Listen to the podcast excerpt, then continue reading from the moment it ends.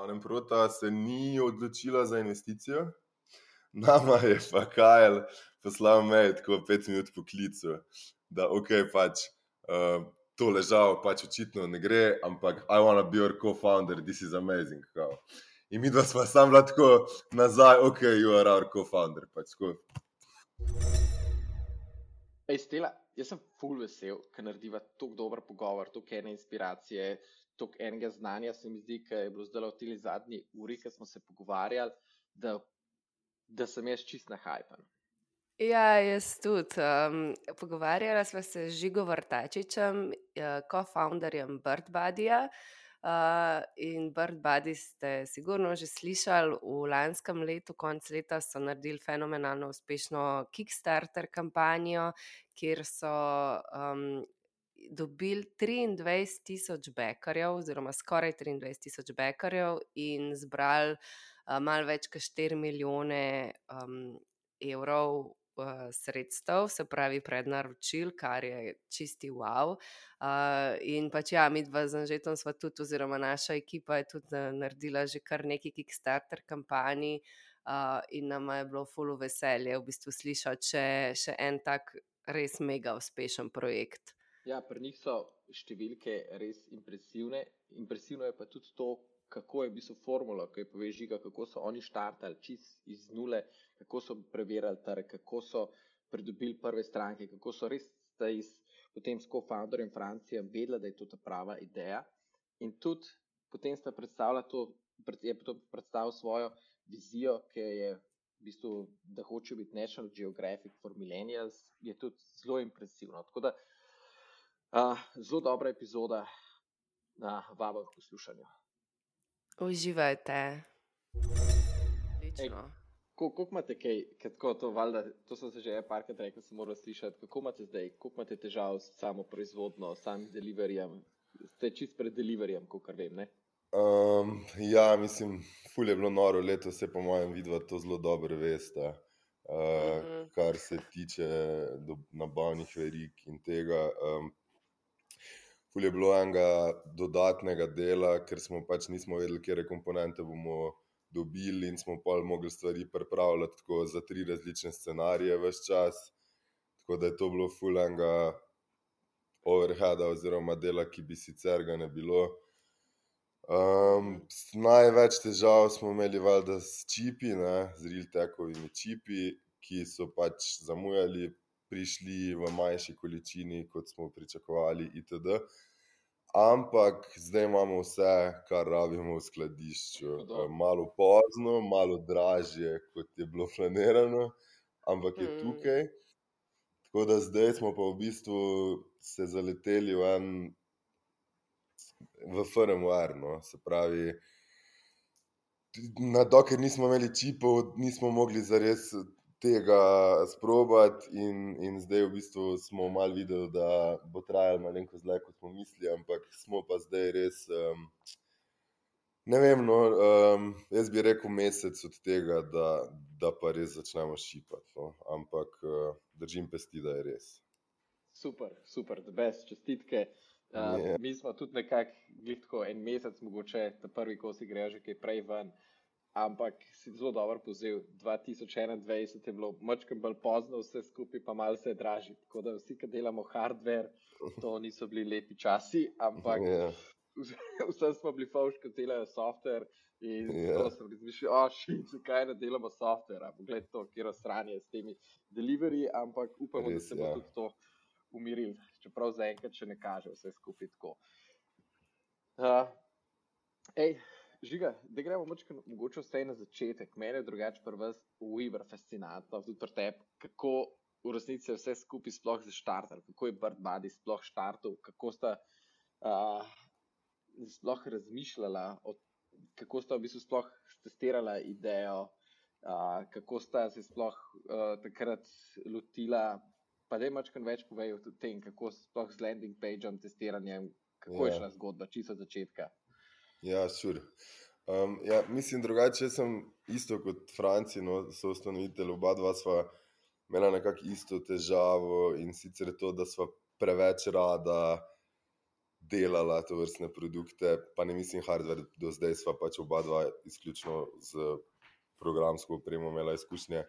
Oziroma, jaz sem celo delal neko lesen board game, že sto let nazaj, ampak drugače pa najna pot je vedno bila od obeh, izključno v softveru, ampak ne glede na to, sva pa vedno pač uh, preveč rada risala in programirala in pisala tekste, in premalo rada razmišljala o nekem poslovnem vidiku. Ne. Zato je vedno šlo tako, da smo nekaj delali, full časa, potem smo pa pokazali Folku, pa ugotovili, da se sam nam zdi tako zelo fajn. Um, in Birdbud je bil prvi projekt, kjer, kjer smo pa šla pač po drugi poti, ne. ker smo pa rekla najprej. Gremo se res prepričati, da, da da, ljud, da je ljudem to zanimivo, da so pripravljeni ta denar za to plačati, da to ni neka oska niša. Da, in smo pač res totalno metodično, korak za korakom, si odgovarjali na, na vprašanja in na ta način uh, zmanjšali neko tveganje pri vsem skupaj. No. Tako da to je čisto neka filozofija. Kaj je bilo tukaj drugače kot pri drugih projektih, ki sem jih prej delal, zdaj pa čist teh lahko pa tudi zdaj, ne vem, če vas zanima, čisto korak po koraku, povem, kako so to počeli. Ej, jaz sem glih hotela vprašati, pa če rekel si, da sta prej delala že veliko drugih projektov.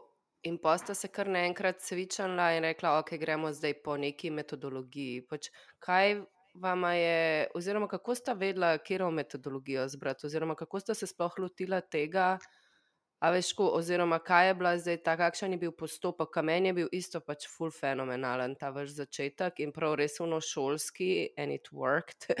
In je mhm. res, kam mi full velikrat rečemo, ne, ne, mi nič ne testiramo, mi delamo kar tako malo vse po feelingu. Uh, ampak ja, enkrat se tudi to lahko zloma. Ne? Tako da mi je full dobro, full bi rada slišala tvoje razmišljanje okoli tega. Ja, mislim, da je tako, nek, mislim, rečem metodologija in se sliši fulučeno. V resnici je to bil samo nek sklop korakov, ki so jih sama sproti, ki so jih sama sproti um, identificirala kot nekaj, kar bi imelo smisel probati. Ampak na, načeloma je pa bilo tako, v bistvu, da smo izdelali za začetek, jaz rečem temu fake landing page. V resnici je pač to bil predstavite na spletno stran fantomskega produkta, ki takrat še ni obstajal, um, ki so jo pač postavili v celoti sama, tudi se pravi ta rendering feederja. Takrat še ni bilo Kajla, pač tretjega soustanovitelja in je tudi pač to je naredil Franci sam. Um, dobila sva se parkrat, da sva res izpila te neke tekste, pač benefite, zakaj ti to hočeš, zakaj ti to rabiš, kako bo to naredilo tvoje življenje lepše. Izdelala par gifov, ki pokaže, kako bi naj delal app in to, in sva v resnici potem šla direkt, preskočila celo produkcijo in šla na ta zadnji korak, na, na neko distribucijo s pomočjo performance marketinga. Ne. In potem smo v bistvu ta fake landing page na začetku je bil narejen tako, kot pač vsaka Kickstarter. Uh, večina Kickstarter kampanj bi rekel, da začne z nekim pre-launch pageom, kjer nabira lide oziroma maile, ne, zato da, da je launch potem bolj silovit. Ne. Ampak mi dva, ki smo se lotili tega landing pagea, nismo v resnici vedela, da bova šla za res na Kickstarter ali pa da bova šla s tem produktom na Kickstarter. Zanimalo nas je, koliko pač stane najo en e-mail, en lead. Uh, ker je to dobro, da z dobro meri neko trip tega, oziroma neko splošno interesantnost produkta. Oziroma, če povem bolj očarno, pač se mi zdi, da je to najbolj jasna metrika za nek produkt, market fit. Ne? Uh, ker seveda pač več ti moraš plačati za, za en e-mail, subscriberja. Um, večje težave boš imel kasneje. Ne. In potem sva um, pač ja, začela z, z researchem, tako da sva govorila z celom. Z, Ogromno ljudmi, ki so, ki so kašne ne za res podobne izdelke, ampak iz, iz sorodne industrije, pa to stvari zaganjali in so jih spraševali, koliko plačujejo pač za, za en e-mail, ne, na, na konkretno Facebook ads. In sva dobivala cifre, tako ne vem, od enega evra do ne vem, treh, štirih evrov, pri čemer ta zgornja meja že kao. You're gonna have a hard time, ne, spodnja pa mm. kao, ne, sigurno imaš nekaj v rokah, kjer se bo kampanjo dal speljati. No. Mi dva smo ta prvi test, jaz se spomnim, sem v Liguriji, sem bil s punco na dopustu in to je bilo po, poletje, eno, se pravi, pred, pred prejšnje. In se prav spomnim, da sem po noči se zbudil, dvakrat sem se po noči zbudil in sem šel gledati, koliko stane ime. Bomo prvo noč, ko smo zagnali, ker sem imel res nek dober feeling. In v glavnem, po noči sem mislil, da okay, to še ni dovolj podatkov, in to zjutraj smo pa pač pogledali, in je bil mail 30 centov, ne? kar je bilo trikrat boljš od najnižjega benchmarka, ko nam je kdorkoli omenil. Potem smo to postili še pač en teden gor, ker smo mislili, da okay, je to zdaj neka začetniška sreča, zdaj bo itak se ful podražilo, in se ni. Ne? In smo pač bila 100% sigurna, da, da naj omel stane 30 centov. Ne? In je to bil nek tak prvi signal, da, da, to, da nekaj tukaj je. Ne? Ampak.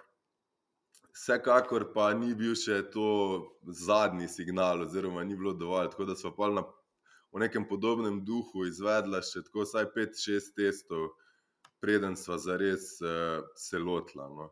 Ej, ki pa um, sta testirala na katerih kanalih, aj to Facebook? Ali... To je bil sam Facebook, ja, pač landing uh mhm. -huh. page, pa Facebook ads, pa pač koliko mailov dobiš znotraj za 500 evrov. Pač približno Drugač, me, mene je bilo vedno tudi tako, vsi, ki to poslušate, res pejte pogledat, kakšne landing page uh, dela BirdBuddy. Že od samega začetka ste imeli tudi ta prvi landing page, ki ste nabirali.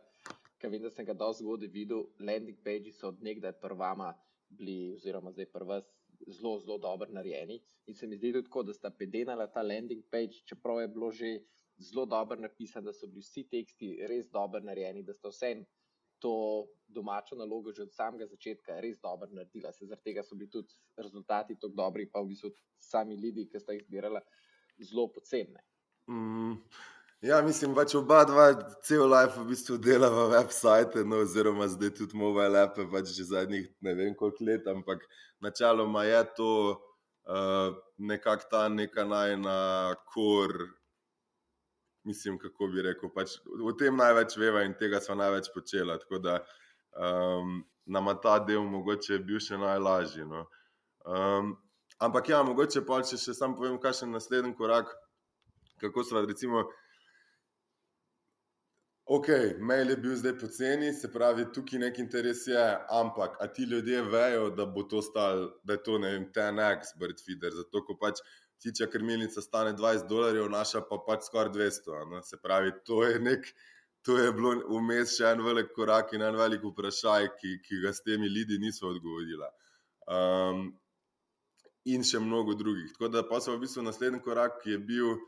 Sva dejansko poskusila, uh, mislim, sva zamenjala tisto formo za zbirati, se pravi, isti landing, ker je pred spodaj pisalo pač sign up, zato da boš dobil early bird when we launch. Ne? Um, sva potem sam ta spodnji del zamenjala z dejanskim check-outom. In sva naredila Facebook kampanjo, ki je optimizirala za konverzije, in sva isto tako v enem dnevu prodala za ne vem, par tisoč evrov birdfeederjev, ki niso obstajali. in s full hudim roasom.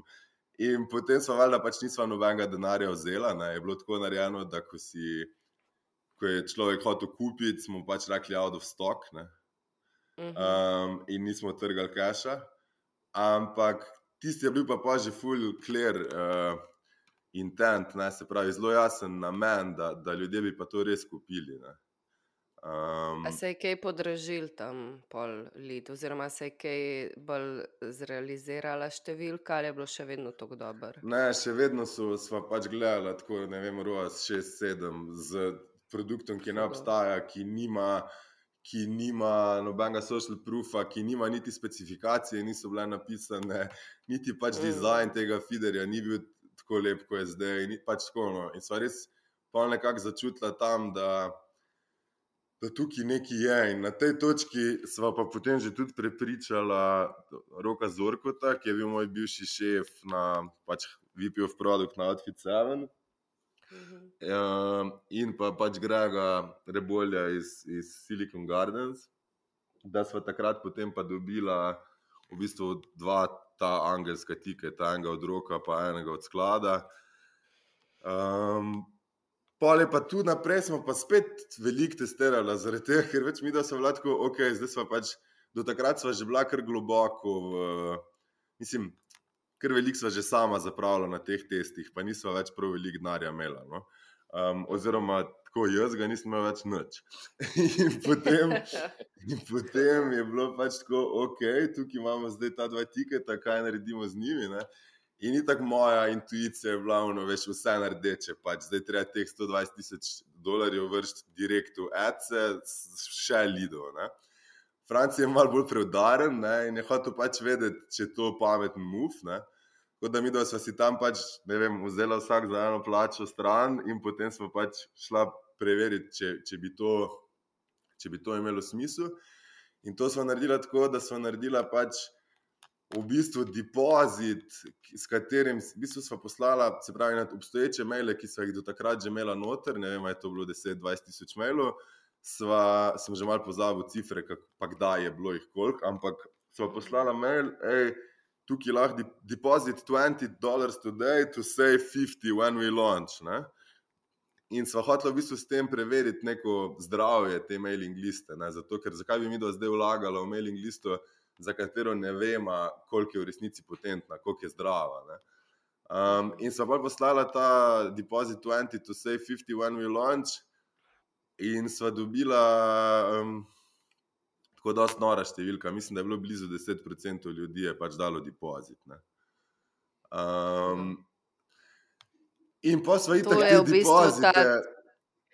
Sorry, ja. to, to je ta trik, ki smo si ga pa tudi mi sposodili. Aha, aha super. Fule je dober. in pa smo te depozite, v bistvu ta denar od depozitov in vse denar od investicije, v bistvu vrgla dobesedno samo v zbiranje novih lidov. Ker nam je bilo jasno, da zdaj, če, če tak del te mailing liste da depozit, ki ni en dolar, ampak je 20 dolarjev, ki jih že ne vržeš kar tako, če nimaš namena. Ne? Uh, sva vlava pa da šur, da je to prava pot. In pa smo v bistvu bolj kot nas spalila ona dva angelska tiketa za nabiranje lidov in pa se je zgodil ta launch, ko je pač uh, se v bistvu res bolj kot najpol v eni noči to vnočilo. Ne? In to nam je popol dalo ful nekega, neke pozornosti, pa nekih ljudi, ki so hoteli sodelovati z nami, tako od tu naprej se mi pa. Tako zdi, da se je vse zgodilo samo, oziroma ne jemljem si nikakršnega kredita za vse, kar se je dogajalo v smislu Kickstarterja po prvem dnevu. Ne.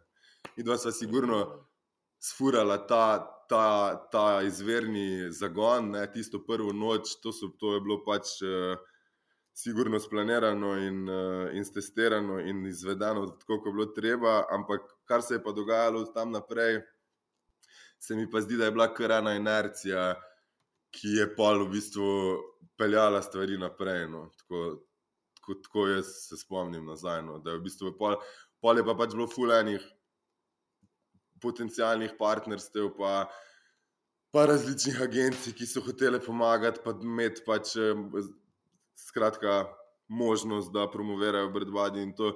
In od tam naprej so tako bolj kot naše samne sestanke hodila in, in presojala, s kom bi poskušali, poskušali delati. Skratka, od tu naprej ni več bil to nek naj in uh, so se stvari zgodile same. No. Kako sta pa imela uh, pol kontaktov ob štartu? Lidovno. Uh, um, Malo sem že pozabil številke, ampak mislim, mislim sigurno čez 50 tisoč. Hudo. Sej, drugače, meni je tako ful zanimiv, res prvama, ker tako res se te. Jaz vedno rečem, da pri kampanji je res najbolj pomemben. In tudi pri Kickstarterju je tako, vse, kar narediš do prvih 48 ur, uh, in potem se mora začeti vse skupaj samo premikati. Ampak v bistvu Kickstarter pri kampanji delaš za to, da boš naredil v prvih 48 urah čim več. Tako, ampak, ja. ko vidva sta šla pa kle, mi smo to delali, ampak vidva sta šla pa kle tako res v ekstrem, koliko sta v bistvu bila potrpežljiva, koliko sta v bistvu dolg časa pripravljala, kvem smo se pogovarjali, tako, uh, a vi še vedno kar zbirate, pa vedno ste še rezala cash, pa še noter ga dala, pa še od ljudi pobrala cash, ko vam ga je zmanjkalo, pa še noter dala, ko v resnici tako zelo sta bila potrpežljiva, zelo, zelo sta tudi pila to predstavitev, da potem, ko sta res lansirala, je res eksplodirala. In potem, ko to eksplodira, se pa začne ta krogle samo od sebe veliti in se dogajajo, od same od sebe se začnejo dogajati stvari. Zaradi tega, ker tudi na Kickstarteru in posod druge je tako, da tisti izdelek, ki je trend, ki je ga vsi hočejo imeti, ki začnejo o njem govoriti, se avtomatično samo od sebe začne generirati. Se v bistvu tudi marketing je tudi, moraš znati ta hype sprožiti. In tudi pri Kickstarterju, ki zraven gleda številko, koliko je prodaje, še sama številka dela v bistvu zelo velik ta hype. Ja, je totalna agrifikacija. Ja. Ja, in potem te algoritem boljš pozicionira, padeš v newsletterje in tako naprej. Vse stvari se, kot si rekel, zaradi tega, ker ste naredili to domačo nalogo, res tako ekstremno dober, pa ste šli v bistvu res, pač mi, kol, mi smo vedno delali pri kampanjih, sam nikoli nismo tako zapravili, ker videl, nikoli nismo v bistvu tako šli še ekstra mal, da se, ker se vam pa res dobro poznali, se potem ste imeli tudi res dobre rezultate. Uh, Kako zdaj ste v bistvu nabrali, uh, že vse skupaj ste v bistvu priorali, kaj že čez 11 milijonov, kot sem gledal. Zjutraj, ko stanem po enem tem mojem ritualu, je za me ena najbolj pomembnih stvari kava. Za svojo kavo pa nočem, da je samo en kofeinski boost, ampak hočem, da je tudi eno tako senzorično doživetje, da testiram različne kave, da, da probam čutiti okusov, tudi tako na kak svoj možgan še mačkam bolj zbudim. Uh, isto, kot so ta okušanja, mogoče vsi bolj poznamo, pa jih imamo radi pri vinu, pri hrani, tam radi tudi okušamo. Ampak na ta isti način mi dojemamo tudi kavo. In pri nas so kave različnih farm, ponujamo zelo različnih okusov, in tudi vse te kave so mačkam drugače, mačkam lažje pražene. In če hočeš se te sprobati, te res vabim na eno tako popotovanje okusov in tudi ponujam eno kodo pod 20, pa od 20, kjer je 20% popusta na vse naše kave. Res probi, pa mi da je feedback. Kodo lahko uporabiš v spletni trgovini goat-story.com. V bistvu je ja, no, skoraj 12, ampak je pa tako, da smo, da smo bili pri podobnih številkah že, že v resnici konc poletja. No, pa smo pa pač čisto ustavili uh, advertising efforts zaradi tega, ker, eh, ker nismo bili sigurni, kaj se bo dogajalo z dobavo čipov. No.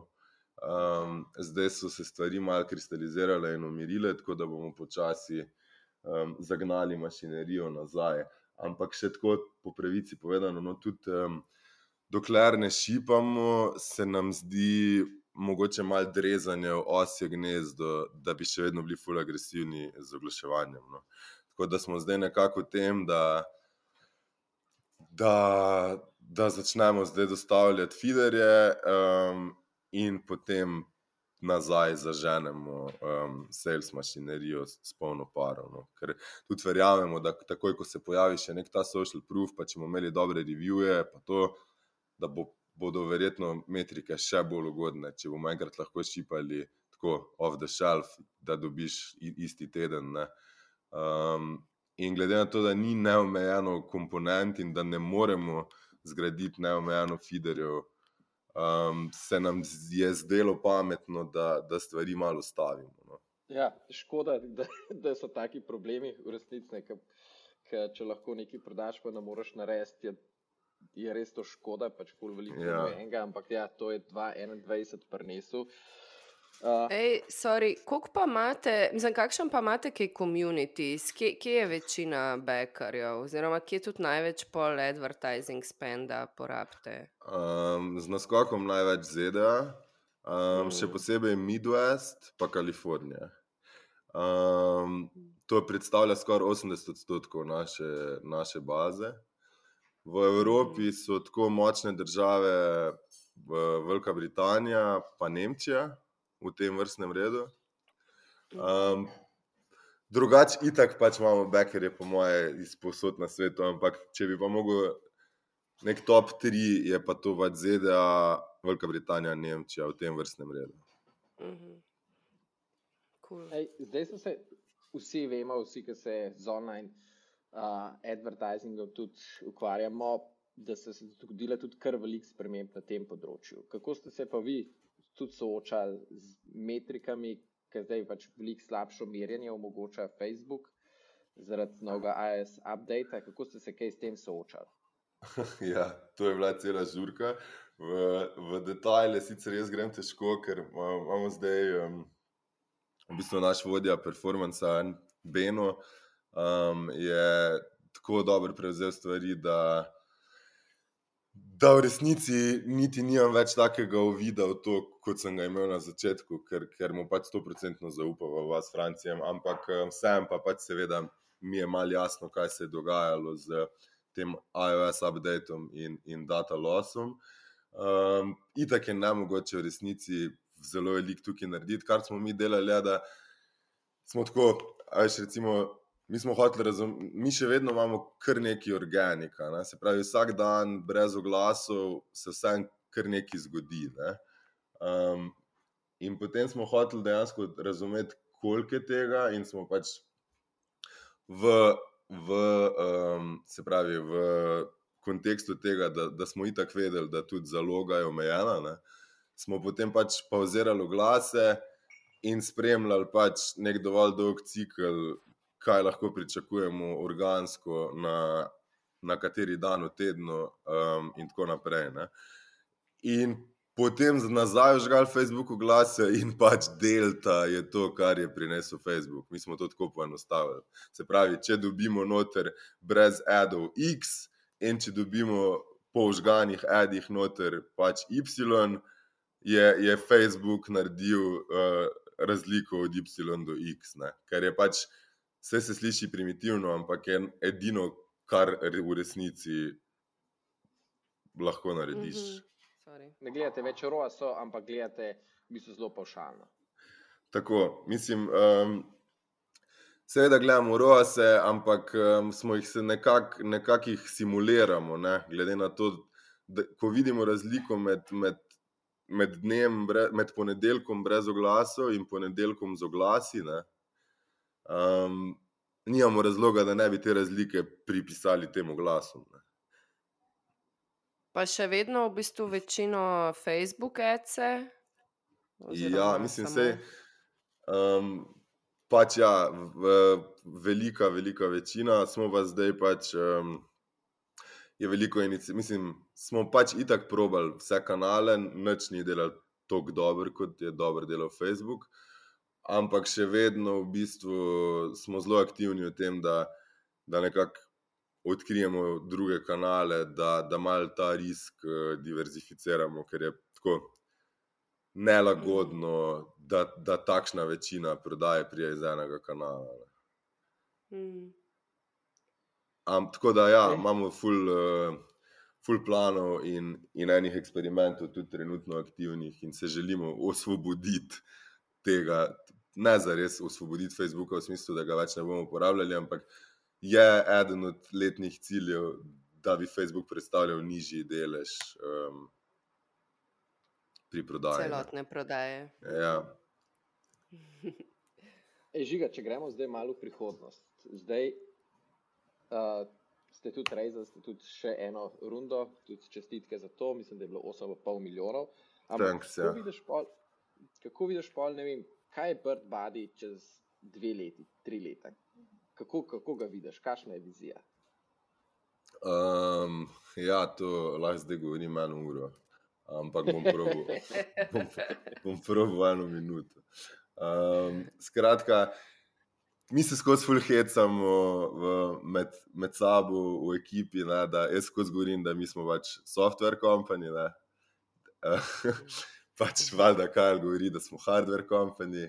Um, Franci se mal heca uh, na obeh straneh. Uh, ampak nekako se, se nam je, mislim, nekako tudi po pogovorih z, z največjimi investitorji, pa konkretno z General Catalystom, ne, ki je itak pač uložil v Airbnb, Stripe, Snapchat, tako early on. Se, on, oni nas vsi vidijo kot kot software play. Ne? In se tudi sami pač vedno bolj tako vidimo. Zaradi tega, ker pač 50 tisoč feederjev, oziroma zdaj že 60, ko je to enkrat v, out there, sorry za ta slongliš. Ko je to enkrat, ko je to enkrat uh, zunaj ne, in priklopljeno na net, uh, je, se tukaj pojavi nek totalen uh, ta mrežni efekt, no, network efekt, ker um, mi pač vidimo tukaj tri milijarde ljudi, ki, ki živijo v mestih, ki, ki nimajo vrta, ne, ki, ki ne morejo nikamor obesiti krmilnice, pa pa jih morda vseeno zanima, kaj se v krmilnicah dogaja. Ne. Tako da v bistvu zdaj smo ful globoko v tem, da v bistvu pripravljamo izkušnjo, za katero ne rabiš krmilnice. Ne. Se pravi, ta nek biggest network of wildlife cameras, ne, kjer ti na isti način pač zbereš ptičke, um, ampak pač naj svojega vrta. Ne. In je pa tukaj en cel kup mehanik, ki se odpirajo, na kak način ti do drugih krmilnic lahko dostopaš.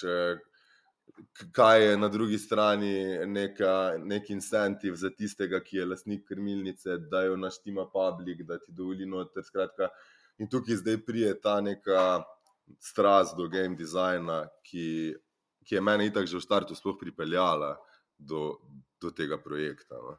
Tako da to je, To je tako čisto konkretno, no, se pravi, ful verjamemo, da in tudi pač spet, seveda, stvari testiramo. In pač smo naredili že 1500 različnih storefrontov za, za te App Store in, pri, in gledamo, kakšni so odzivi, koliko bi ljudje, koliko bi mogli plačati za download.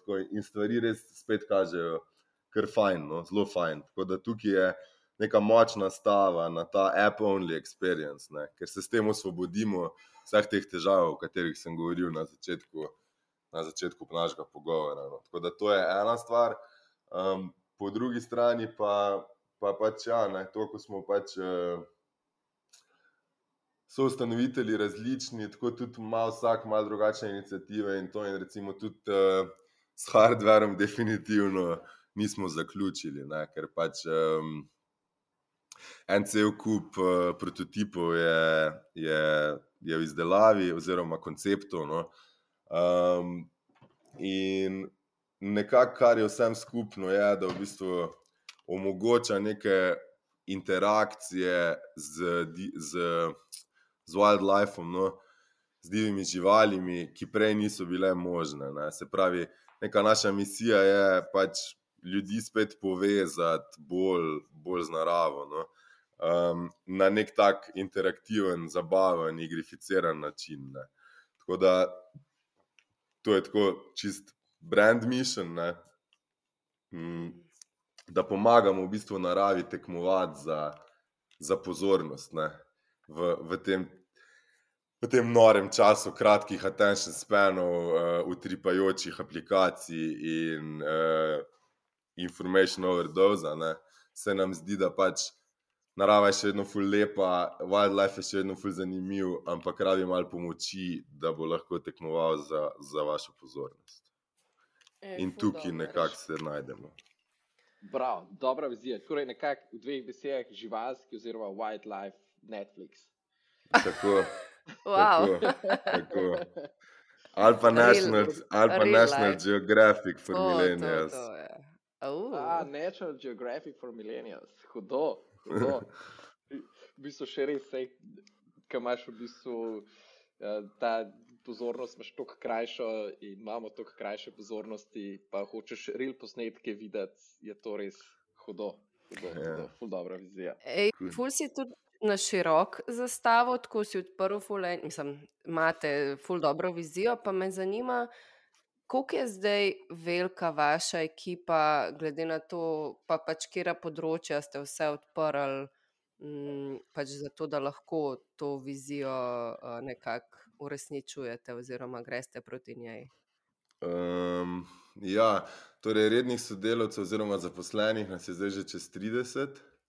Mhm. Um, to v Sloveniji, potem imamo pa pač še, še del ekipe v, v ZDA, uh, natančneje v Chicagu, kjer je pač tudi Kyle, naš tretji co-founder, um, based. No? Um, tako da se tudi tam zdaj oblikuje ekipa, in um, skratka, ja, nismo še končali, no, zdaj se še ful uh, krepimo, predvsem na engineering delu.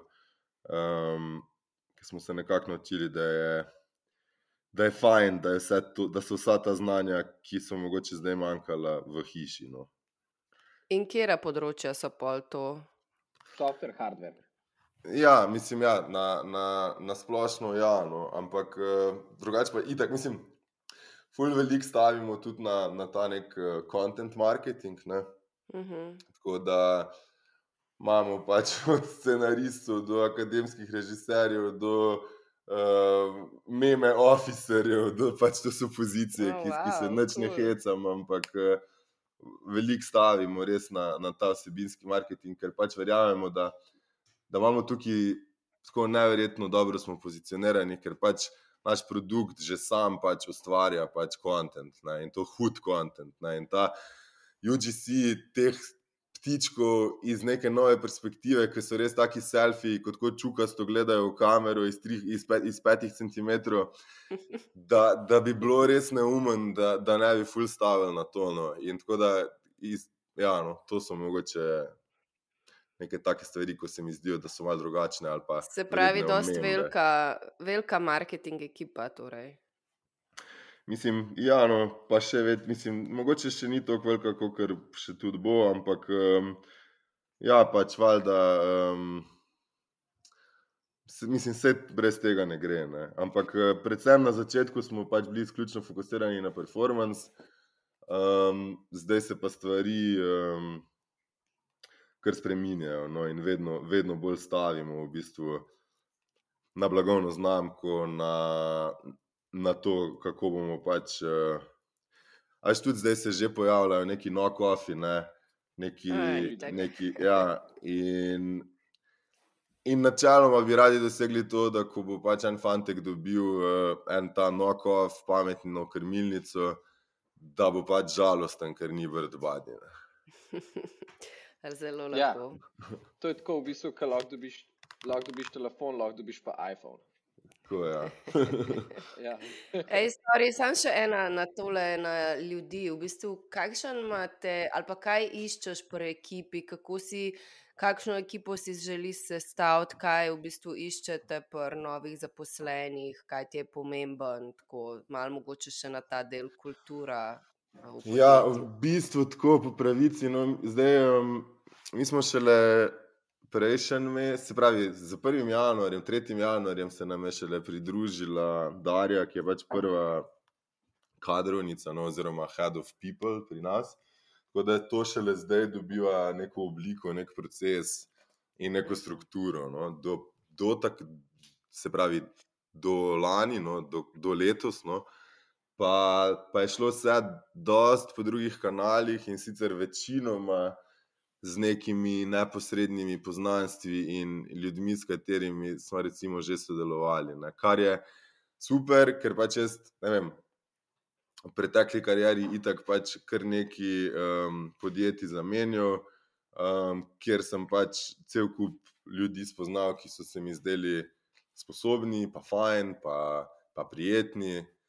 Um, in podobno. Zdaj pač, po headhuntu in ukradu vso smetano. Tako, mislim, to, to pač nekak, je, je bil nek logičen korak. Ne. V bistvu smo se bolj kot nas, Francijam, usedla in napisala na list vse ljudi, s katerimi nam je bilo hudo delati, pa ki so res bili pač. So se nam zdeli posebej sposobni. In na ta način smo pač res to neko osnovno ogrodje ekipe, dosti hiter, pa dosti kvalitetno sestavljeno, no? ker pač v resnici so res ful, ful zadovoljna s tem, kako stvari tečejo, s tem, kako, kako vzdušijo v ekipi, kako, kako pač samo tudi mislim. Sama efektivnost in to res štima. Ampak, no, vse, da ne bom zdaj preveč romantiziral, je pa pač sigurno to trči v, v nek limit. Ne. Se pravi, mi dva smo zdaj na točki, kjer smo pač počrpali vse te prijatelje, oziroma bivše mm. sodelavce, oziroma ljudi, s katerimi si že ne, ki bi bili primerni za vloge, ki jih želimo nafilati. Tako da je v bistvu zdaj nekako se pa pač začenja ta, ta pravi hiring, kjer dejansko pač delamo outreach, objavljamo glase, iščemo ljudi, hodimo na ogromno intervjujev. Vse ne, da tudi prej nismo bili na nobenem intervjuju. Pa tudi vsak človek, ki. ki je kdo od naju prej uh, z njim že delal, smo tudi še vedno nek vetting naredili. Ampak seveda je ful lažje, če črpaš iz nekega svojega networka. No. Tako da je to bilo. Ja, vse en sta harala skoraj 30 ljudi v enem letu. Ne? Ja, ja, ja. ja, pač ja dejansko 1. Ful. februarja se je prvi človek pridružil. Ja. No, Wow. Ja, mislim, da je bilo tudi, je bilo pač tudi nekaj uh, absolutno ljudi, ki, ki, pač, uh, ki niso bili neposredno iz najnega kroga. No, bi rekel, mogoče pol. Ampak so pa tudi, že, recimo, marsikdo je prišel tako, veš, da ti nekoga pripelješ, ko si z njim delal, pa veš, da dobro dela, pa potem on pripelje še, še enega ali pa še eno. Pa, tako, tako da nekako nekak je to zaenkrat šlo, to organsko, ampak zdaj smo pa, ja, zdaj smo pa na točki, ko ko se tega treba lotiti uh, bolj strukturirano in bolj strateško, in sem tudi vesel, da, da imamo zdaj tukaj Darijo, ki nam, to, um, ki nam je to že v bistvu začela strukturirati. No? Ker itak, da pač trčiš v nek limit pri osebnih kontaktih. Ej, ful, dobro. Žiga, de, sorry, stela. Me res nekaj zanima z ene stvari, ki imamo mi tudi, mi dva stela, ful, mali skušali in sicer uh, imeti tudi del ekipe v Ameriki in kako v bistvu sodelovati direktno z američani. Kako se ti zdi, da so dejansko boljši, sploh v kakšnih marketinških stvarih, v kontentu, ker vemo, da je market content content marketing, da je tam res doma. Kok, kako vidiš ti to sodelovanje direktno z ameriškim kadrom, z američani, kot da jih imaš, uh, da jih imaš v ekipi?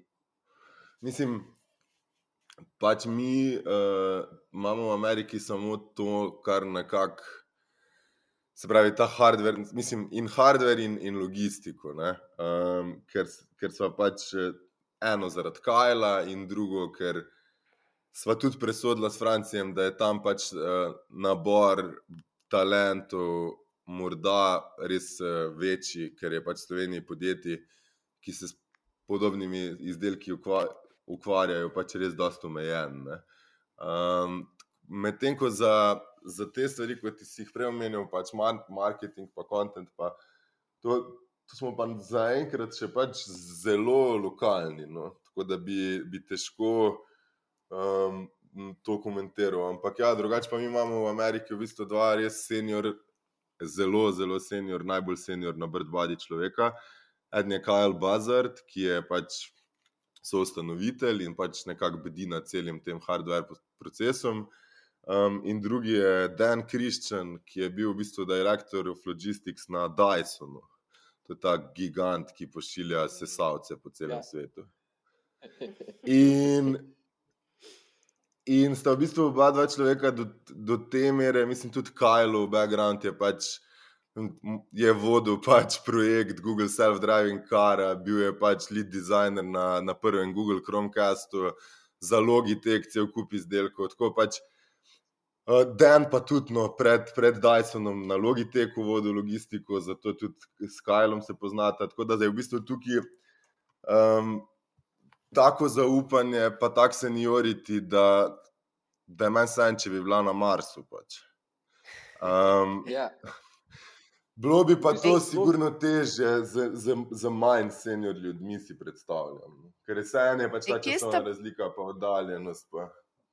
Kje sta pa njiju najdla, oziroma kako sta še v bistvu najprej Kajla, pa pol, ok, naprej verjetno je Dena, Kajl, Prnpelu, pa tako. Ampak kako sta pa sploh ta z njim sklenila partnerstvo od začetka? To, to je pa fulhecna zgodba, meni ni bilo zraven. Francije, Francije pičev, um, pičev, v bistvu, ko smo iskali to angelsko investicijo. No?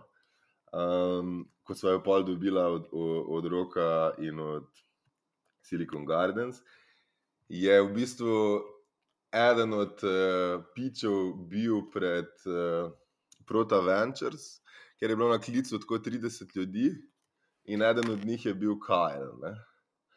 Um, in Kyle je bil tam zato, da, ker je pač bil strokovnjak iz področja, da bi pač. Seveda, kot eden od partnerjev tam, in tudi kot uh, da pomaga presoditi in oceniti uh, investicijsko priložnost. No, v glavnem, prota se ni odločila za investicijo, nama je pa Kajl poslal mail, tako pet minut po klicu, da ok, pač uh, to ležal, pač očitno ne gre, ampak I want to be your co-founder, this is amazing. Kao. In mi dva smo oh, sam lahko nazaj, ok, you are our co-founder. Pač, Roka. Say no more. da, ja. In pa tudi smo se ful, res ujeli. In tako pa ta korona bila, nismo mogli v bistvu celo leto skupaj priti. Mi smo z uh, Francijem šla, mislim, da novembra letos, lani, no, pred parimi meseci, prvič v Chicago.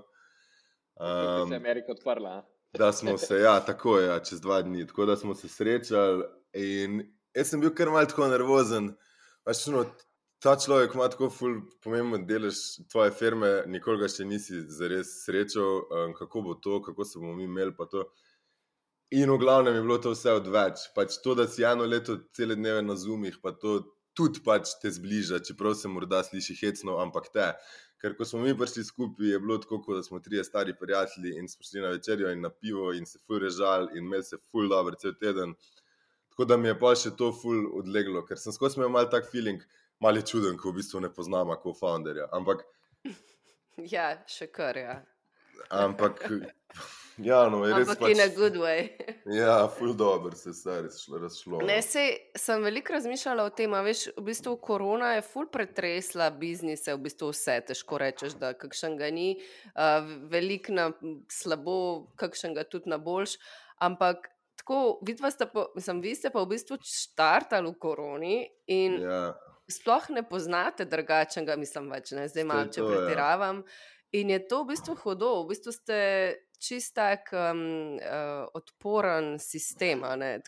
Začeli smo v največji krizi, tako da there's only veš, one way. Ja, ja to je res. Ja. Mislim, da čist, eh, čisti, sigurno je pač. Uh, mislim, prvo leto delovanja je bilo iz, izključno remote, ne. tako da nam je, nam, nam je to nek default. No. Čeprav meni je to hudo, no. mislim, valjda mi je velikrat čisto osebno paše, da delamo doma, pa to, ampak v resnici pa, pa mal, mislim, se mi pa zdi, da bi lahko še, še ful več in ful boljše naredili, če bi, če bi se vendar lahko pač videli parkrat na teden, pa bili skupaj. Pa se mi zdi, da vsaj en drugač letijo ideje, pa drugačni odnosi se razvijajo. Pa, Tako, no, za nek kreativni proces, mislim, jaz komi čakam, da lahko, da, da se bo dalo bolj neobremenjeno potovati in biti v pisarni. Tako, no. tako da, ja, ste zdaj na remote? Ja, zdaj smo, smo, ne, smo zaprli pisarno, zdaj s tem omikronom, ne vem, proti, de, ni še, mislim, januarja, na začetku januarja, ko je začel mm -hmm. spet ful. Drugač, mene tudi res uh, tako zanimivo, ker večinoma ekip, ki delajo v Ameriki, delajo ekipe v Ameriki tiste, ki so ne inženirske, ampak ki so pač bolj fokusirane na marketing, na content, vi ste pa v bistvu glih obratno naredili. Tako da to je zelo zanimivo. Ja, vse, mislim, kot jih jaz poznam, tudi slovenske, ki imajo v Ameriki, imajo v bistvu obraten biznis model. Ja, ne, vse mogoče ima, mogoče mislim. Jaz nimam za ponuditi nobenega strateškega vida, ki bi upravičil to odločitev. To je pač zato, ker smo s Francijem vedeli, kje smo sama močna, kaj lahko sama peljeva, kaj, kaj verjameva, da znava peljati enako dobro kot kdorkoli v Ameriki. In hkrati smo vedeli, kje smo šipka in kje rabimo pomoč res dobrih ljudi. In je to bilo pač izviralo iz, iz najnih profilov, ne iz nekega strateškega razmisleka. Cool. Ej, žiga, še za konc, ne? razen če imaš ti še kakšno vprašanje stila. Kaj bi svetoval vsakmu, ki se loteva zdaj, čisti z nule? Kako v bistvu štartati? Ali treba prej idejo preveriti, čim prej preveriti? Se ti zdi to pravilna pot, bi šel še enkrat po isti poti? Ja, absolutno. Pač, eh, čim, mislim, testirati vsak korak. Ne? In tudi to, jaz vedno se tudi, ko se pogovarjam z oblikovalci, pa oblikovalkami, no, v tudi v podjetju. Pa, se mi zdi, veš, takoj, ko ti preveč investiraš, ne bom rekel časa, bom rekel ljubezni v en izdelek. Ne? Um, si rataš full defensive, ne? pa full neodprt za neke signale iz zunanjega sveta. Več, ko jaz narišem nek low-fi načrt na list papirja s svinčnikom, pa potem trije rečejo, ja, tole ne vem, tole mogoče ne, to se mi zdi brez veze, bom pač full receptiv. Ne? Če bom pa jaz prenesel izpiljen enomesečni predlog, bom pa se pripravljen steps za vsako črtico, ko jo hoče kdo predstaviti. Ne? In se mi zdi, da je pač to malo karikirano, na ta način se splača pač ideje testirati, preden se navežeš na nje. No? Meni se zdi to odličen svet. In točno tako, kot praviš, ja, več kot časa in ljubezni vlagaš not, teži se je pol tudi premakniti. Mislim, in zapravo si čas in denar, in ja, še v, v mindu si, si zloži, osko ja. gledan. Ja. Um, ok, zdaj imam pa še jaz eno vprašanje za konec. Mhm. A veš kaj, mene pa osebno ful zanima uh, od uspešnih ljudi, kakšne so v bistvu kaj tvoje rutine ali pa kakšne take, kaj bi rekla, eh, dnevne prakse, ki jih počneš, ki ti v bistvu pomagajo pri tem, da si in lahko pač dober performer in dober kot človek, kot eh, partner, kot eh, vodja ekipe. Tako, kakšna, če imaš kakšne take pristope. Um, tukaj mogoče te moram razočarati, uh, ker Po mojem, ne, mislim, drugače sem uh, zdaj šele po Birdbadju začel fulj pridno telovaditi, um, ker prej pač nisem telovadil nič. Um, in se mi je zdelo, da se mi je malo poznano, tako sem res od bolečin v križu do neke take izčrpanosti, res neprimerne. In zdaj uh, se mi zdi, da sem veliko tega rešil z vsakodnevno telovadbo. Um, še vedno ne uživam v tem, še vedno ni to nekaj, kar jaz sem, ampak sem nekako naredil ta uh, cost-benefit analizo in, in ugotovil, da se res splača telovaditi. Um, drugače pa um, skušam si nek focus time vedno narediti. Ne? Se pravi, jaz si dam v koledar od enih do štirih fokus time in nobenemu ne razlagam, kaj to je, pa pač si vedo, da takrat ne, ne morem na sestanek, pa ne bom odgovoril maila. To se mi zdi, da, da si ta nek, toliko enih sestankov, pa enega usklajevanja, pa to, da se mi zdi, da smo prišli do tega, da moraš tudi ta čas, ko nisi na voljo, v bistvu dati v koledarno, zato da lahko stvari mal tudi oddelaš sam s seboj. Um, drugače pa ne vem, uh, nimam nobenih full pametnih uh, strategij. Ali kaj sem prebrala? Uh. Prebrala sem, da fulorad kuhaš. Oziroma, ja, da najbolj ludaš. ja, fulorad kuham, pa fulorad hodim, mislim pa, pa ful imam rad kučke, pa pač vedno si vzamem v bistvu srednjeva čas za pasi sprehod, ker sploh zdaj po zimi si ga tako zvečer je tema, pa tako pa, pa mi pač vedno ful paše v eno uro in to gost pač vmes. Um, kuham itak, ful, ful, rad, tudi verjamem. Da, enkrat sem prebral en citat, ki se me je ful dotaknil, da kaj je to uspeh. Ne? Uspeh je to, da imaš vsak dan čas iti na tržnico, se sprehoditi okoli, pogledati, kaj se ti lušta, najti domov in imeti čas kuhati. Uh, in se sliši preprosto in ful basic, ampak ko če se iskreno vprašata, ali imaš res v današnjem ritmu to vsak dan čas narediti nimaš. Mm, Ampak mm. ja, jaz fully uživam v tem, da kuham, da, da povabim ljudi k meni, da, da jedo, kar skuham. Ampak ja, to um, ne bi pa rekel, da ima to kaj, uh, kakršno koli vezo z. Tako da ima. Pač, uh, jaz mislim, da ima, ker pač si znaš vzeti čas zase, oziroma za svoje bližnje. Pač to, vse, to so vse stvari, ki te polnejo in pač lahko ti na nek način dajo tudi energijo in voljo, da si pol naslednji dan v bistvu spet na voljo za stresne situacije. Ne? Tako da yeah. Ja. um, je, ne, fulfino. Mm. Ja, top, Ej, meni je bilo tole, da best. Um, Če si iskreno, sem si še ene par pod vprašanj napisala, ampak mislim, da smo bili danes že tako izčrpni, da mogoče to za kdaj drugič pustimo. Um, tako da mislim, da, da sem midva te izprašala. Anže, imaš ti še kakšno misel za konec? Ne. Žiga, meni je bilo super, super slišati vizijo, super slišati, kaj delate in želim veliko sreče pri uresničevanju te vizije. Upam, da dobro šipate tole prvo rundo, da bo čim manj logističnih, pa hardware, pa firmware težav, tako da imamo vsi to. Uh. E, najlepša hvala za vabilo in za vse te lepe misli, in pošiljam jih nazaj uh, z enako silo. Cool, thanks, thanks. hvala. Ajde, Ajde. čau, čau.